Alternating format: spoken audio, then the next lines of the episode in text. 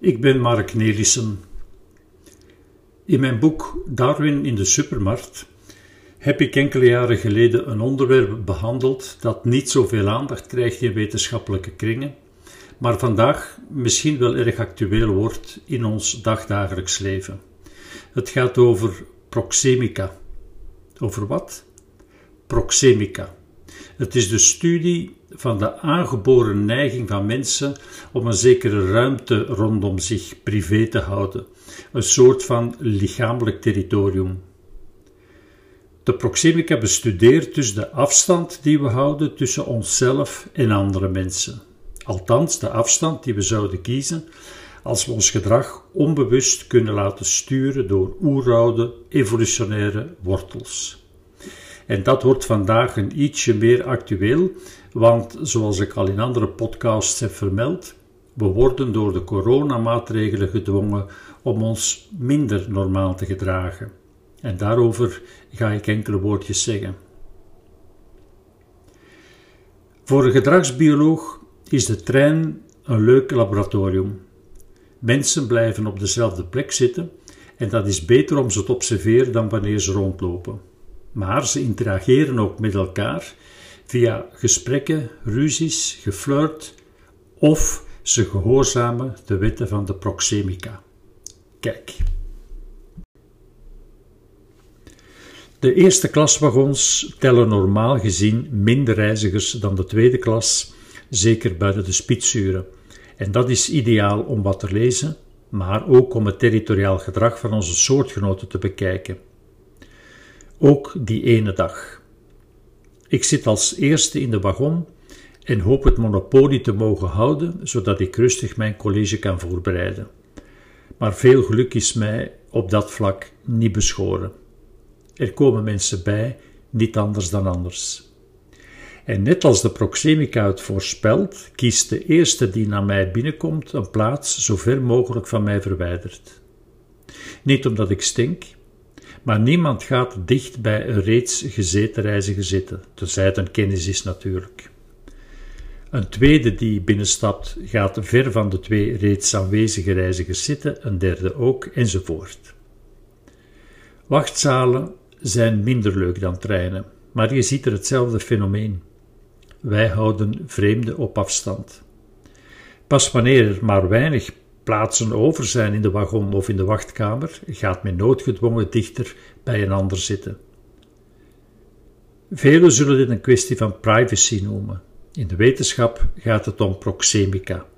En, zoals ik al zei, draait dit dus om aangeboren neiging om een zekere ruimte rondom ons privé te houden, als een lichamelijk territorium. Dit is mijn gebied en daar kom je niet binnen. Het is geen echt territorium zoals je tuin of huis, waarvan je verwacht dat vreemden er buiten blijven, maar je kan het er sterk mee vergelijken. Je lichaam is het centrum van de persoonlijk, individueel domein dat je overal meesleurt en vreemden moeten daar buiten blijven. Hoe groot is dat lichamelijk territorium? Dat is net de vraag waarmee de proxemica zich bezighoudt. De grootte is afhankelijk van de functie. De meest gebruikte is de sociale afstand, met een grootte van een dikke meter tot zowat 4 meter.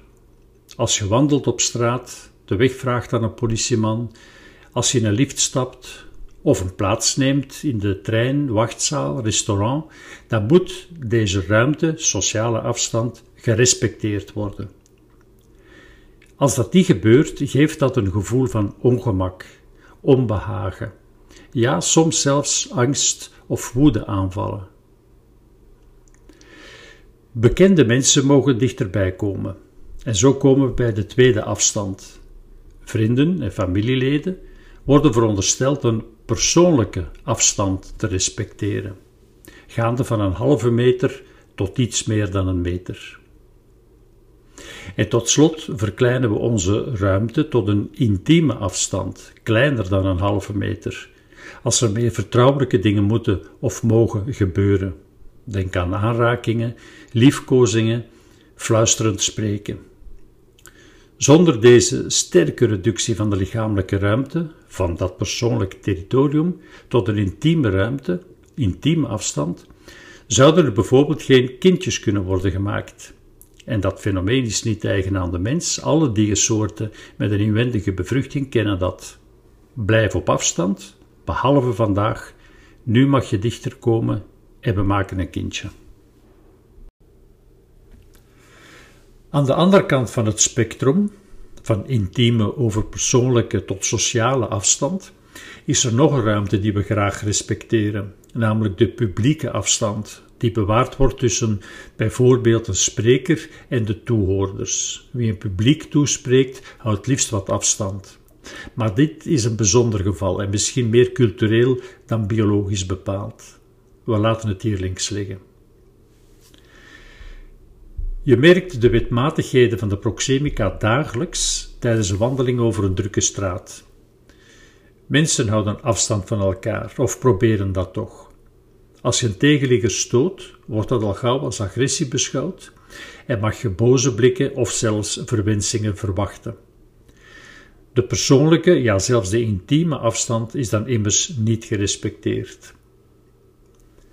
Evolutionair bekeken, dus als we blik werpen op het leven van onze verre, verre voorouders, zijn die regelmatigheden van de proxemica goed te begrijpen.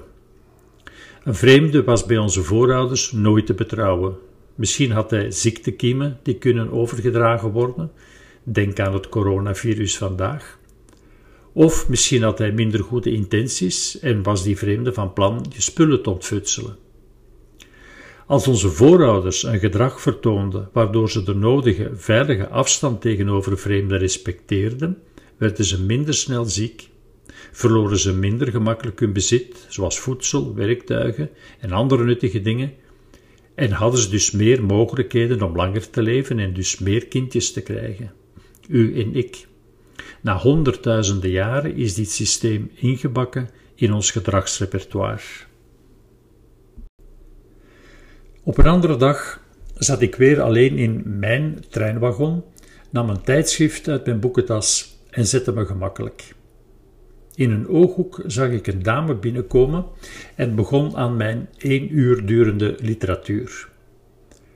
Die intentie werd meteen de kop ingedrukt doordat mevrouw zich niet neerzette in de zetel diametraal aan de andere kant van de wagon, zoals de proxemica dat wil, maar knal tegenover mij, in een lege wagon. Mijn bloedvaten trokken samen, mijn hart ging harder kloppen, te bonzen, en moest ik de elektrische geleidbaarheid van mijn huid kunnen meten, dan zou ik enige transpiratie hebben waargenomen. Als het nu nog een jong, knap ding was, dan zou dat nog te verteren zijn, maar deze dame had mijn leeftijd. Gevaar. De proxemica zegt dus welke persoonlijke ruimte wij rondom ons willen hebben, maar de gedragsbiologie beschrijft ook ons gedrag wanneer die ruimte niet gerespecteerd wordt door anderen, door vreemden. Bij niet respecteren van die ruimte voelen we ons ongemakkelijk, als een lichte vorm van bedreiging. Dat geeft een reactie, een afgezwakte vorm van fysiologische respons die we kennen als we in gevaar zijn, als we willen vluchten of een opponent willen aanvallen, de vecht- of vluchtreactie. Hormonen maken ons dan klaar voor actie. Bloed trekt weg van de huid en de ingewanden naar de spieren, het hart gaat sneller slaan, in onze ogen verwijden de pupillen zich. Als iemand op straat te dicht bij je komt lopen, zal je niet meteen zo'n vlucht- of vechtreactie vertonen, maar een sterk afgezwakte vorm ervan. Een geoefend gedragsobservator kan zien wanneer mensen zich ongemakkelijk voelen, als anderen hun individueel territorium niet respecteren. Dat kan onder andere tot uiting komen door overspronghandelingen, dat zijn kleine, zinloze bewegingen die een spanningsveld verraden. In het haarkrabben bijvoorbeeld. Draaiend schuifelen, over de neus wrijven. Ieder heeft zijn eigen manier om met deze kleine spanningen om te gaan. Maar ook omgekeerd. Wij voelen ons ook ongemakkelijk wanneer we de proxemische privacy van een ander moeten overtreden, Ook dat gaat gepaard met een lichte vorm van spanning en kan onthuld worden door overspronggedrag. Iemand die in een bioscoop te laat binnenkomt en een rij neergezeten cinefielen moet passeren, noodgedwongen van de ene knie naar de andere sukkelt, verontschuldigt zich niet alleen met woorden, maar neemt bovenal een onderdanige houding aan, met gebogen schouders. Sla me niet, ik ben niet verantwoordelijk voor deze agressieve inval. Op een terrasje gaan we niet graag aan een tafeltje zitten dat reeds bezet is, zelfs niet door één persoon, ook al zijn er nog vijf stoelen vrij. Die stoelen zijn openbaar en dus kunnen we ze zonder probleem gebruiken, maar de tafel is bezet. Die tafel is meteen het territorium geworden van de enige resident en we willen dat eerbiedigen. Als we dan toch echt moeten, gaat dat gepaard met veel sorry en oversprong. Even terzijde, Nederlanders hebben hier veel minder moeite mee dan Vlamingen, maar dat mag ik eigenlijk niet zeggen, ze luisteren mee. De dame die in de trein tegenover me was komen zitten, kijkt me meteen aan, recht in de ogen. Gaat ze aanvallen? Mijn hart bonkt. Dag meneer, ik heb uw boek gelezen. En haar aanval is ingezet. Gelukkig alleen met een niet te stuiten woordenvloed. Ze had me erkend van een interview op televisie, dus het was niet haar bedoeling de regelmatigheden van de proxemica te verkrachten. Vermits zij mij herkende, en dus in haar ogen ook kende, was ze geen indringer en kon ze dichterbij komen. Voor mij was ze wel een vreemde, vandaar mijn lichte vlucht- of vechtreactie. Dat is nog een leuk gedragsfenomeen binnen onze soort. Als we iemand op televisie hebben gezien, hebben we het gevoel die persoon te kennen. Maar dat is weer een ander verhaal. Dit alles is in wezen een verhaal dat al honderdduizenden jaren verteld kan worden, de trein uitgezonderd. Maar is door de maatregelen van de overheid om de COVID-19-pandemie te bestrijden zeer actueel. Er wordt ons opgelegd om minstens anderhalve meter afstand tot andere mensen te bewaren. En in de praktijk zien we dat dit zeer moeilijk te realiseren is. Bij een gesprek op straat met vrienden verkleint de afstand voortdurend, onbewust. Het is niet omdat iets goed is in de strijd tegen virussen dat onze oeroude evolutionaire wortels zomaar kunnen volgen. Die vrienden horen thuis in ons persoonlijk territorium, niet daarbuiten.